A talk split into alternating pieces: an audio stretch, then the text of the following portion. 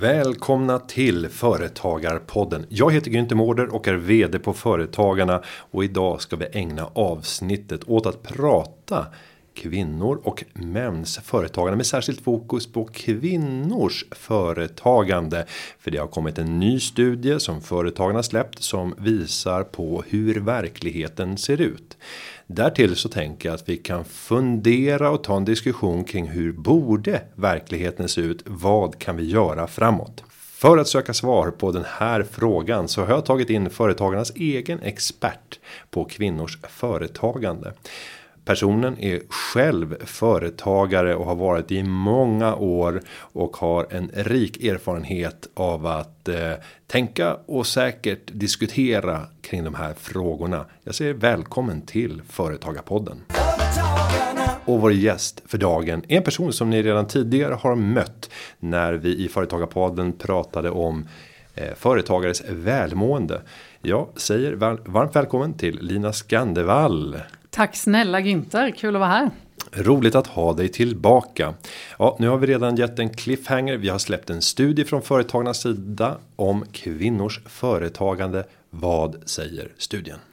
Ja, studien är ju gjord kan vi börja med. Det är ju på aktiebolag och vi har gjort studien på 250 000 aktiebolag som omsätter minst. Sjukt stor studie. Eller hur? Ja. Och som omsätter minst 500 000. Vilket betyder att det är förmodligen sådana som mer eller mindre lever på sina företag. Hoppas vi i alla fall.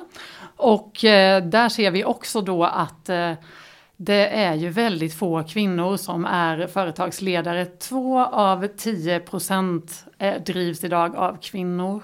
Två av tio företag. Två av tio, precis. Och det är ju väldigt få. Eh, den enda ljusningen vi ser är att de som är under 25, där är det en av fyra företagsledare som är kvinnor. Och det är ju positivt. Så en ljusning bland de yngre. Eh, om vi börjar och stanna redan där och säga kan man ta för givet att den här frågan därmed kommer att lösa sig självt eftersom vi ser att de yngre har en väsentligt högre andel kvinnor som högsta befattningshavare den kommer inte lösa sig av sig självt och vi hoppas ju innerligt att nästa undersökning kommer visa ett bättre resultat såklart. Jag tror att eh, det kan ju handla om att kvinnor eh, tydligare får kontakt med företagande. UF har ökat väldigt mycket, man pratar mer om entreprenörskap i skolan så att det kan vara en tydligare kontakt och man ser fler som eh, driver företag idag, vi har fler förebilder. Och det arbetet måste vi fortsätta med stenhårt för att det här ska ge effekt. Så vi kan inte luta oss tillbaka än långt ifrån.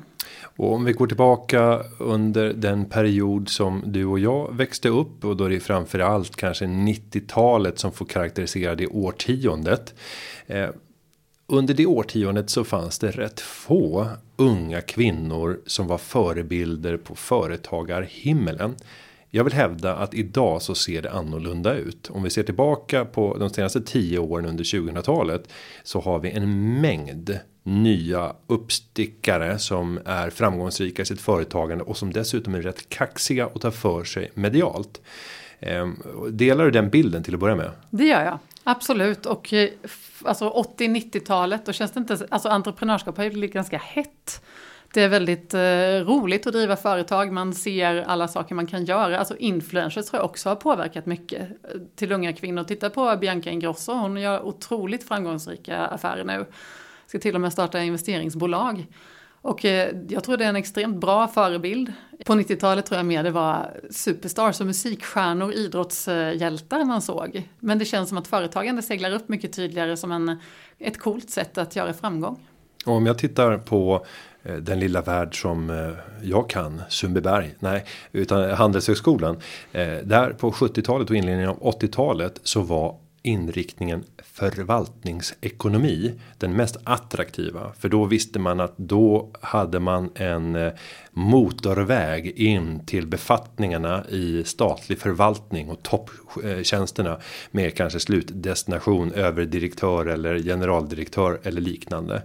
Eh, idag ser det helt annorlunda ut. Idag säger nästan hälften av alla som studerar vid Handelshögskolan att de vill driva eget under sin framtida karriär. Så det har varit ett enormt skifte på kort tid. Vad tror du att det där beror på? Alltså skiftet från att vilja göra tjänstemannakarriären bland högutbildade till att faktiskt nu nära en dröm om att driva företag. Jag tror det handlar väldigt mycket om att man vill förverkliga sig själv, man är ute efter frihet och man är ute efter att tjäna pengar. Det tror jag inte man ska sticka under stol med. Och man kanske ser en snabbare karriär, titta på Spotify och alla dessa gaseller vi har i Sverige idag som bara växer och växer. Jag tror det handlar väldigt mycket om att det finns andra möjligheter, att man ser de andra möjligheterna och tänker lite annorlunda än vad man gjorde förr. Det, då var det kanske tydligare trygghet och myndigheter statligt. Idag är vi mer flexibla och sätter vår egen frihet mycket högre. Sen en annan sak att ta med i den här diskussionen som är viktig. Det är att vi just nu talar enbart om aktiebolag. Men det finns ju flera företagsformer. Vi har enskild firma, vi har handelsbolag, det finns kommanditbolag, det finns ekonomisk förening. Men om vi tittar på just enskild firma. Eh, efter eh, införandet av GDPR så har det här analysarbetet försvårats. Vill du förklara?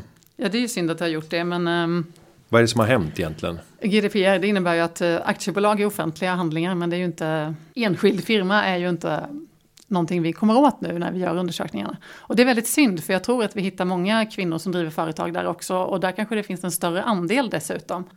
Nu ska vi också eh, berätta att den här studien och det vi pratar om just nu. Det handlar just om aktiebolag. Men tittar vi just på enskild firma. Så vet vi enligt historisk statistik att det är en högre andel kvinnor som väljer enskild firma framför aktiebolag. Det är en bättre jämställdhet där. Eh, och då kan man ställa sig frågan. Vad beror det på? Alltså, jag tror att kvinnor kan ha en mer smygande start. Man kanske inte släpper allt man har och startar företag direkt. Det är många som satsar på gigekonomin. Att du eh, satsar på din hobby till exempel, eh, som jag gjorde, gör just nu. Att jag driver ju mitt företag eh, och jag jobbar dessutom. Så att det kan vara att man smyger lite mer och inte satsar hundraprocentigt från starten. Och då är det mycket bekvämare att köra igång med enskild firma. Och eh, själv så startade jag ju enskild firma och körde den i tre år tills jag insåg att det gick alldeles för bra och jag behövde anställa. Och då insåg jag att nu måste jag starta AB. Men eh, jag har faktiskt pratat med flera av mina vänner som driver enskild firma idag och de säger att det handlar dels om lathet och dels att de tycker det verkar väldigt krångligt. Och då är det frågan, vem ser ansvaret till att eh, lyfta det här? Att AB har ju definitivt sina fördelar också. Men kommer du ihåg dina egna tankar när du stod inför valet av företagsform? Och det här, det här är ganska länge sedan. Det är långt mer än 10 år sedan. Det är 15 år sedan 15 idag. år sedan. Ja, jag minns mm. det väldigt väl. För det här är någonting som är ganska starkt när man startar sitt mm. företag. Eh, för det första, att våga starta företaget handlar ju om att jag verkligen behövde en spark i baken för att inse att jag är företagare och jag vågar göra det här även om jag inte har stenkoll på ekonomi.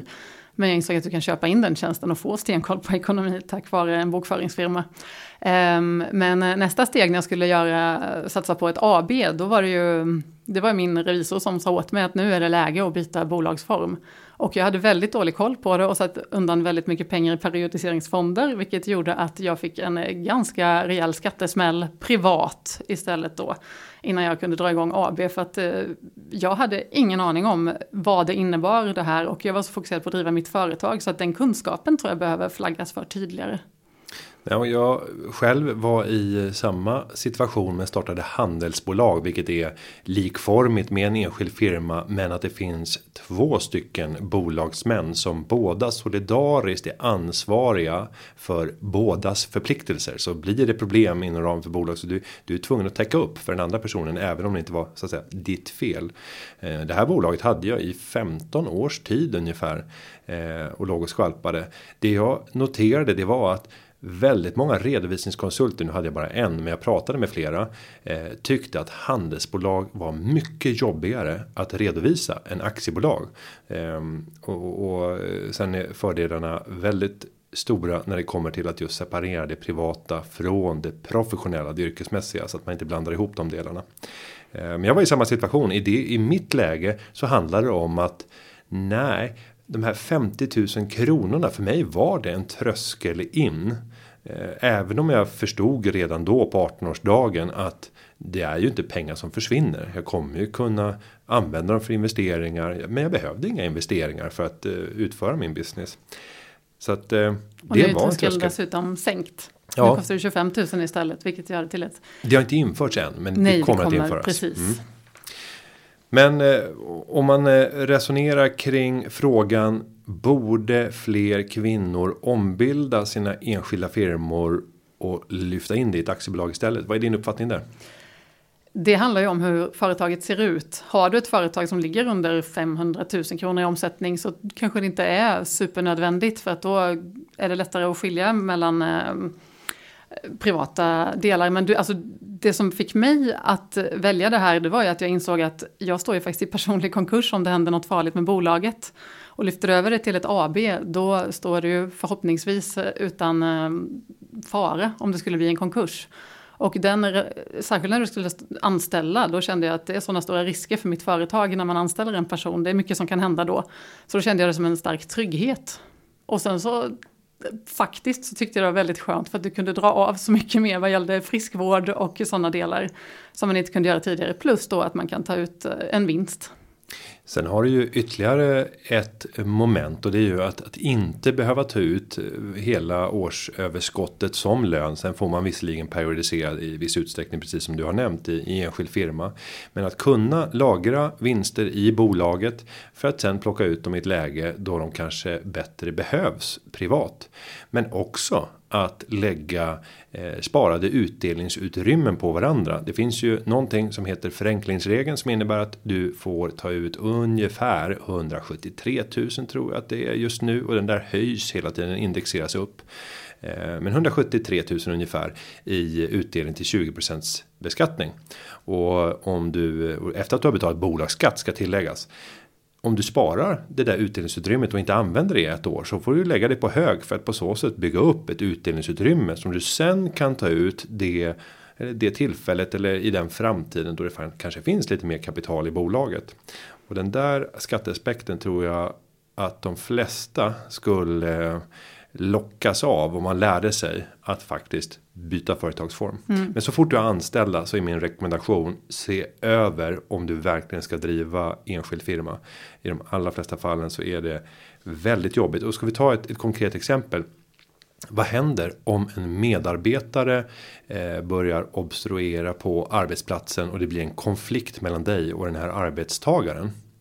Och sen så eh, börjar du anklagas för Låt oss säga att personen går bananas och hävdar att du har trakasserat och diskriminerat personen och vill driva det här i AD. I det här läget så vill du bara bli av med personen. Men ska du förklara vad är det som händer i det läget? Ja, då handlar det ju alltså om att hela den tiden fram tills eh, du hamnar i, i doms, till rätten, då är det ju du själv som får stå för personens lön. Och eh, det är ju faktiskt en väldigt tuff del om du står där som egenföretagare. Och, och, där blir du ju ensam betalningsansvarig för det. Även om bolaget skulle gå i konkurs så kommer man ju titta på har personen några tillgångar som vi kan utmäta i det här fallet. Så det kan få katastrofala konsekvenser för den enskilda privatpersonen som driver enskild firma. Så har du anställda eh, Prata direkt med redovisningskonsult och ställ frågorna. Vad är för och nackdelarna med att byta till aktiebolag? Och sen kan det faktiskt bli så att även om du har aktiebolag så kan du hamna i den här fällan. Absolut. Men du kan aldrig Men du slipper det personliga ansvaret, ja precis. Och att det, kost, precis, att det kostar pengar. Men om vi då tittar lite grann på olika branscher. Så finns det en bransch som sticker ut kraftigt från andra. Där 75% av alla företagsledare, högsta befattningshavare i ett bolag är kvinnor. Vilken bransch pratar vi om? Då pratar vi om hälsa och skönhet och där är det 75% av kvinnorna som driver företagen eller företagsledare. Och det är en väldigt hög siffra och det är ju väldigt glädjande måste jag säga. Och eh, skälet till det tror jag också handlar om att vi har väldigt många kvinnor som jobbar i den branschen och eh, då känner du dig naturligt trygg i att arbeta med det här. Du kanske har en egen kundkrets och känner att du vill lyfta och starta företag istället för att fortsätta vara anställd. Och här kan man ju också konstatera att det finns andra branscher, till exempel välfärdsföretag om man slarvigt ska använda det begreppet. Men då pratar vi om allt från ett förskoleföretag till ett skolföretag. Det kan vara en gymnasieskola, det kan vara äldreomsorg, eh, hemtjänst och liknande. Eh, där har också kvinnor en kraftig överrepresentation i förhållande till det antal som eller andel som driver aktiebolag normalt mm. sett i hela populationen. Ja precis, där är det fyra av tio kvinnor. Och eh, det här tycker jag är någonting som vi verkligen ska ta vara på. För att eh, den här branschen, om vi tittar på den demografiska utmaningen vi står inför nu. Vi kommer ha en väldigt hög belastning på vården. Så att är det någonstans där vi verkligen behöver fler innovativa företagare och duktiga företagare så är det just inom vården. Och det är en bransch som genom åren har blivit ganska smutskastad i media bland annat. Och eh, här tycker jag verkligen att vi borde titta mycket tydligare och lyfta den här branschen mycket starkare med kvinnliga förebilder som jobbar inom vården exempelvis. För här har vi verkligen mycket att hämta.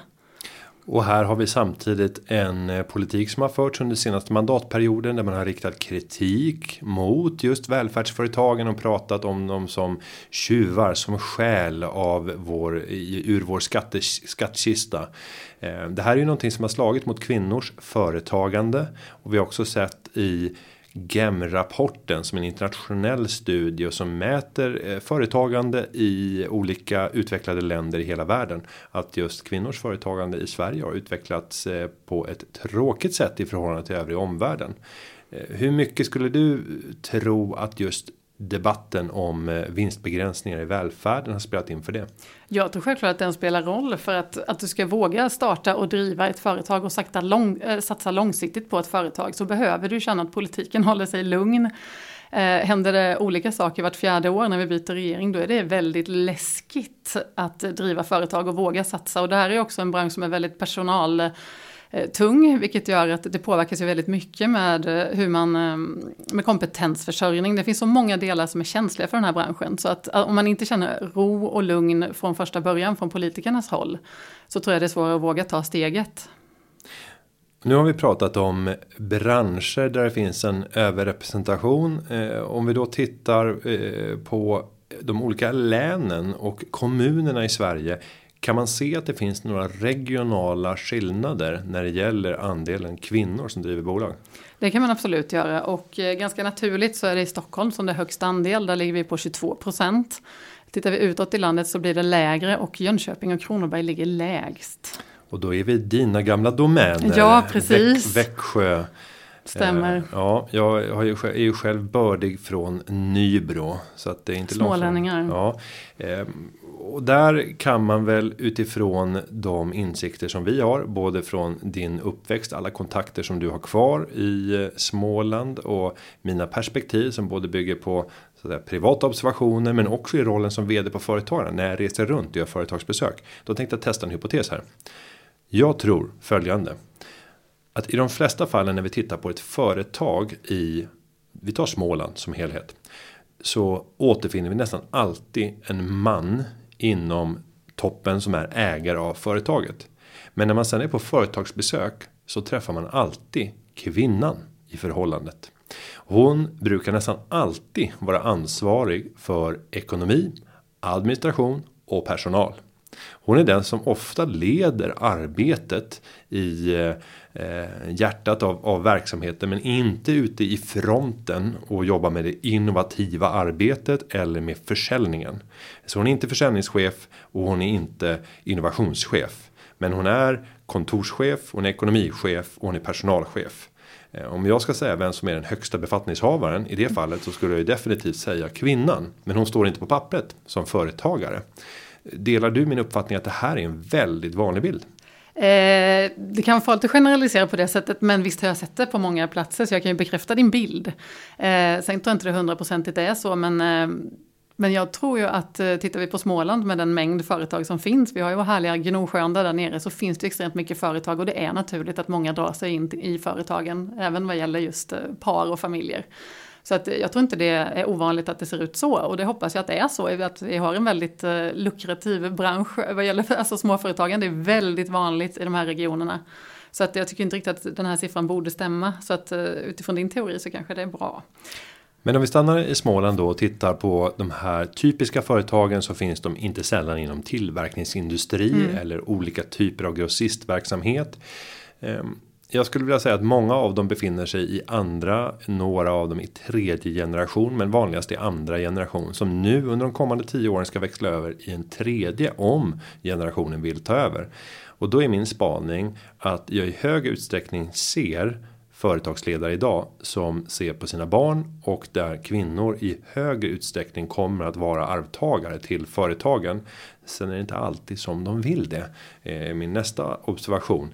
Tror du att vi i de här klassiska familjeföretagen som har gått i generation efter generation kommer att få se en ökad andel kvinnor som högsta befattningshavare kommande 15-20 år? Alltså jag tror vi kan gå tillbaka till där, det handlar väl helt om vad du vill göra för val själv. Men jag tror inte att kvinnor är rädda för att ta den positionen och driva företaget vidare om det är det de känner för.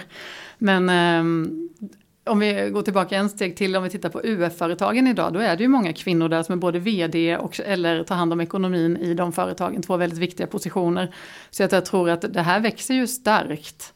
Men eh, ja, alltså att kvinnor skulle vara de som tar över eh, generationsföretag, det tror jag absolut är en helt lika självklar möjlighet som det skulle vara för män. Och gör man en spaning på de allra största maktpjäserna i Sverige så vill jag hävda att det definitivt stämmer så att det plötsligt under det kommande decenniet kommer att finnas även de största företagsägarna i Sverige och de som man pryder Dagens Industris första sidor med. Eh, där kommer andelen kvinnor att öka dramatiskt. Om jag bara tar några exempel. Lundbergs håller nu på att skifta över och eh, lyfter fram sina döttrar. I Stenbecks fall så är det redan avgjort. Där är Kristina som har blivit eh, inte, hon har blivit drottning redan nu. Hon är inte ens eh, eh kronprinsessa. Melker Schörling lyfter också upp sina två döttrar att ta ett mycket större ansvar. Så att vi kommer ha väldigt många av de absolut största företagsgrupperna som kommer att ägas och kontrolleras av kvinnor, vilket naturligt kommer göra att även i media så kommer vi få se en helt ny generation visa upp sig, vilket borde tycker jag få effekter även bland de som ska starta enskild firma eller aktiebolag. Definitivt, förebilderna av det här slaget är de, mest, de bästa du absolut kan ha. Det är vår tids nya superstars tycker jag. Extremt starka förebilder. Men om vi då går från ena ändan till den andra. Nu har vi pratat om de länen eller som har lägst andel kvinnor. Du sa att Stockholm har högst. Eh, kan man se även lokala variationer? Du sa 22% i Stockholms län. Eh, är kvinnor som, högsta, har kvinnor som högsta befattningshavare. Finns det kommuner som sticker ut? Danderyd har vi, där har vi 31 procent, Lidingö 30 och Nacka har 29 så det är ju de högsta i hela Sverige. Mm. Så där finns det en tydlig eh, skillnad, att där är det väldigt många kvinnor som driver företag. Och det här är ju kommuner som kantas av eh, högt egenföretagande generellt ska man säga, även bland männen. Eh, men det gör ju att det borde vara svårare. När det är många män som driver bolag eh, så krävs det ju ännu fler kvinnor för att man ska komma upp i en hög andel. Det är inte bara så att det, det, absoluta, det absoluta talet är högt, men även andelen kvinnor är högt. Eh, vad har du för teorier kopplat till varför det ser ut som det gör i just de här kommunerna? Alltså att det är högt företagande generellt och att det är många kvinnor, det tycker inte jag är någonting man behöver dra någon slutsats kring annat än att det är ett väldigt det finns väldigt goda förutsättningar för att driva företag. Du har en, en god kundbas förmodligen i det företaget du driver. Och och tittar vi på att det här är ju höginkomstkommuner så att det kanske finns en annan typ av trygghet ekonomiskt om man nu ska lyfta till att starta eget. Några studier som jag skulle vilja göra förlängt på grundval av den här datan. Det är också att titta på paren. Många av de som är företagare tror jag lever i ett parförhållande eh, och bor på samma adress. Och då gör jag en hypotes här. Jag presenterar en hypotes. Jag tror att entreprenörskap är smittsamt. Eh, jag tror det även i generation efter generation när vi tittar på våra barn och kommande barnbarn. Eh, men jag tror även i ett förhållande. Så att i de fallen där kvinnan är företagare så kommer benägenheten för mannen att också bli företagare att öka. Eh, är mannen företagare så kommer det påverka kvinnan i högre utsträckning att bli företagare än om kvinnan är företagare eh, så kommer det i lägre utsträckning att påverka mannen. Det är min hypotes. Jag har ingen, ingen data som helst på det här. Nej, jag har nog lite svårt att hålla med dig där faktiskt. Varför? Berätta om din Nej, men... argumentation så ska jag argumentera själv. Absolut. Mm. Nej men jag tror att företagande är smittsamt, det håller jag definitivt med om. Och det tror jag handlar om att man blir utsatt för entreprenörskap och företagande i tidig ålder. Är dina föräldrar företagare så är det enklare för dig att starta företag. Har du ett UF eller går du i en skola där man satsar på UF då är det också en mycket större möjlighet för du vet vad företagande handlar om. Man behöver inte vara som jag, bli skakad tio varje dag och säger fattar du inte att du är entreprenör? Och så puttar ut mig typ mer eller mindre. Om man inser ja det var jag. Utan får du, får du en nära nära kontakt med företagande i många skeden så är det ju också mycket, mycket enklare att starta företag. Så det är klart, har mannen ett företag sedan tidigare så kanske det också påverkar för att man blir stimulerad till att starta företag. Men eh, jag tror det handlar om en, en lång väg där, liksom, där man har fått eh, kontakt med företagen och inser att det inte är så läskigt som det kanske kan verka från första början. Mm. Och det tror jag inte har med, med mannens eh, företagande i familjen att göra. Ja, om man nu ska göra undersökningar och ge hälsningar till studenter så tycker jag ju mycket mer att vi skjuter det här mot kvinnors företagande istället. Ja. Och tittar på vad vi behöver för att få bättre tillväxt. Mm. Vad är de största hindren idag? För det, det, den frågan får vi väldigt ofta, inte minst från riksdagsledamöter. Och det finns inga statistiska svar på det där än så länge. Utan det är väldigt mycket antaganden. Och den tycker jag är väldigt intressant. För jag vet att det finns så mycket kvinnor där ute som vill ha tillväxt. Men eh, någonting hindrar dem. dels är det ju kapitalet då, att det är 2 riskkapital som går till kvinnor idag. Men eh, finns det andra hinder? Är det socialförsäkringarna? Vad är skälet till att vi har så få som satsar på tillväxt på det sätt som vi vill idag? Det vill jag att man forskar mer på. Men om vi ska eh, avgränsa det, om jag ska vara så här handledare eh, och säga Lina, nu måste du smalna av vad blir avsmalningen? Vi ska hitta en frågeställning som vi skjuter ut. Eh, och i, i, mitt fall så var det ju vad är inkomstutvecklingen eh, och nivån för de som senare väljer att starta företag. Och om vi kan se några samband i inkomstutveckling. Eh, I det här fallet, det tycker jag är avsmalnat.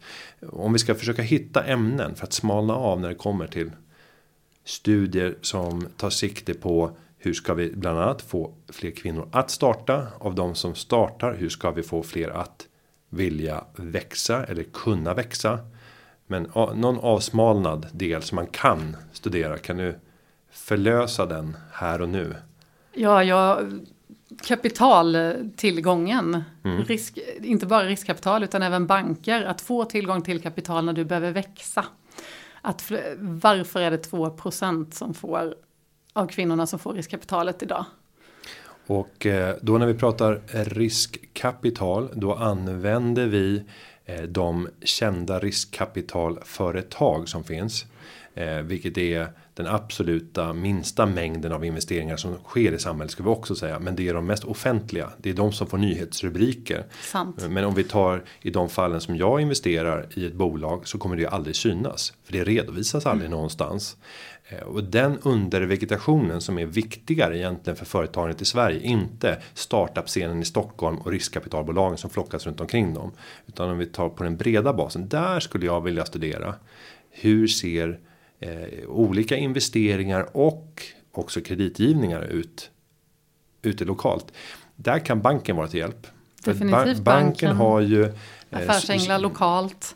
Ja, men jag tänker på men, da datamängder. Mm. Att hämta data ur bankens system. Att gå till om du har en lokal sparbank där du bor. Att eh, be att få forska på de datamängder som finns kring mängden utlånade kronor och se var de landar. Är det hos en, ett företag med högsta befattningshavare man eller kvinna? Och sen skulle du även kunna dela upp de populationerna och se finns det någon skillnad i räntenivå på de totala ackumulerade mängden eh, krediter som är utlånade till de här. Sen måste man säkert göra en viktning utifrån eh, branschtillhörighet för det är klart att eh, det kan spela in om den ena gruppen har en, en riskprofil i sitt företagande som ska göra att du betalar en högre ränta. Men där har du spännande Ja, men alltså tro, tror du att skillnaden är speciellt stor då, om jag vi tittar det. på Absolut. Jag vad är ditt ni... antagande i så fall? Hur, hur mycket tror du det skiljer sig? För jag, jag vet ju av eh, väldigt många skäl hur tufft det är att få kapital som kvinna idag till en bransch som inte är hypad tech till exempel. Mm. Och det är klart att eh, man vill investera i snabbväxande företag. Det är väldigt enkelt inom tech eftersom du kanske kommer på en god idé som sprider sig. Den är, behöver inte alls vara personalintensiv överhuvudtaget, vilket kvinnors företagande oftare är. Så att jag hävdar istället att man behöver tänka på ett annat sätt. Eh, för jag tror ju inte att det sker jättemycket investeringar i kvinnors företag idag. Nej, men om vi tar på kreditsidan eh, så vill jag tro att det är en eh, större skillnad än skillnaden i uppstart. Om du, om du säger att två av tio företagare är kvinnor så tror jag inte att två av tio utlånade kronor är hos kvinnor som företagare. Om vi tittar på företagsutlåningen enbart. Eh, sen så skulle det behöva ta bort de här riktigt kapitalintensiva verksamheterna som fastigheter. Det är en extremt stor del av utlåningen. Det kan vara tung industri. Det kan vara olika typer av här, energiföretag. Det där skulle behöva sortera bort för att bara bli av med de gigantiska summorna. Men även om man skulle ta bort de sektorerna där män är överrepresenterade så tror jag ändå inte att kvinnor har sin andel av kreditstocken. Eh, och, och där tror jag att vi skulle behöva jobba med att förstå hur ska du kunna närma dig banken? Hur ska du presentera ditt företag och vara kaxigare i förhållande till vad du gör? Eh, för det är det det ofta handlar om att visa att du har minsann koll på läget på alla pinaler. Det där märker jag i anställningsintervjuer när jag sitter med kandidater till företagarna. Det är ofta jag möter män som kandidater som har koll på precis allt. De har bockat av två av fem kriterier i eh, kravspecen som vi haft för det här jobbet och konstaterat yes två av fem jag passar för jobbet och sen så har jag kanske en kvinna som har bockat av fem av fem plus en sjätte som inte ens har bett om i annonsen men som fortfarande vacklar lite grann och säger ja, jag vet inte riktigt om jag om jag är så bra på det här och så tittar man på vad personen har gjort och shit, du har ju allt som behövs. Men om det nu enligt dig då är så stora skillnader vad gäller risktagande. Hur vill du då göra så att fler kvinnor faktiskt startar med företag om du påstår att vi nu inte satsar på samma typ av risk och det är för få som startar. Alltså hur ska vi då komma till bukt med det här på riktigt. det handlar få... inte bara om att tjejer och klättra i äppelträd. Liksom. Nej, men då måste vi titta på vad är det som fostrar risktagande. Och till att börja med så bör man titta, finns det någon typ av genetisk förklaring? Jag tror inte det. Jag tror att det är miljöbetingat. Och då gäller det att se vilka olika miljödelar finns under uppväxten där din form, där din inställning till risktagande kommer att formas. Var identifierar vi skillnader på grundval av kön eller på ålder, etnicitet, sexuell läggning? Finns det skillnader? Och kan vi då se vad beror de skillnaderna i? Och där bör det då göras punktinsatser med tydliga instruktioner om vad vi kan göra. Och då ska jag säga så här att det vi vill, det är ju inte att dra ner männen radikalt i sitt risktagande. Jag skulle säga samhället skulle må bra av något lägre risktagande från männen. Men det vi skulle vilja det är att få kvinnor att radikalt öka sitt risktagande. För det skulle öka den förväntade avkastningen oavsett vad det handlar om. Om du står inför vilket beslut som helst och du har möjlighet att ta jättemycket risk eller jättelite risk eller någonstans mitt emellan. Eh, så skulle vi vilja att kvinnorna väljer ett väsentligt högre riskalternativ i varje enskilt beslut. Eh, I förhållande till vad man gör idag. Och männen att gå från den generellt sett väldigt höga risknivån till en något lägre. Men inte mycket lägre. För vi behöver sjukt mycket risktagande i samhället för att vi ska utvecklas. För risktagandet kommer att avgöra avkastningen i samhället. Ja, jo, absolut. Men eh, du säger bara att vi behöver punktinsatser för att vi ska, det är ju de där punktinsatserna som jag tycker är väldigt viktiga att hitta, vilka är de i så fall? Mm. För att eh, vi här på Företagarna, vi har ju, det finns ju vissa delar vi tycker är extremt viktiga. Till exempel hur viktigt det är med förebilder, det har vi redan pratat om du och jag. Eh, att man satsar mer på välfärdssektorn där det redan finns många företag och vågar lyfta de här branscherna som faktiskt är väldigt kvinnointensiva. Så att man och få mer, att det blir mer smittsamt med entreprenörskap. Liksom, och att, att man får tydligare kontakt med det väldigt tidigt. Det är också extremt viktigt. Och, och Lina, nu ska jag göra en, en, en, en cliffhanger och säga att tiden springer. Men nu säger jag så här. Vi fortsätter och tar vid precis här i nästa veckas avsnitt. För den här debatten har ju bara börjat. Jag tror att vi har mycket kvar att säga. Eh, så jag, jag säger eh, tack så länge för nu. Vi återkommer om en vecka. Underlaget för dagens sändning, eh, där vi inte använt så mycket av underlaget ska tilläggas, Nej, har framställts av David Hagen. Och klippningen, den är gjord av Petra Chu. Vi hörs igen nästa vecka. Stay tuned. Företagarna Ja, ja, ja, ja, ja, ja. Företagarna. Ja, ja, ja, ja, ja, ja.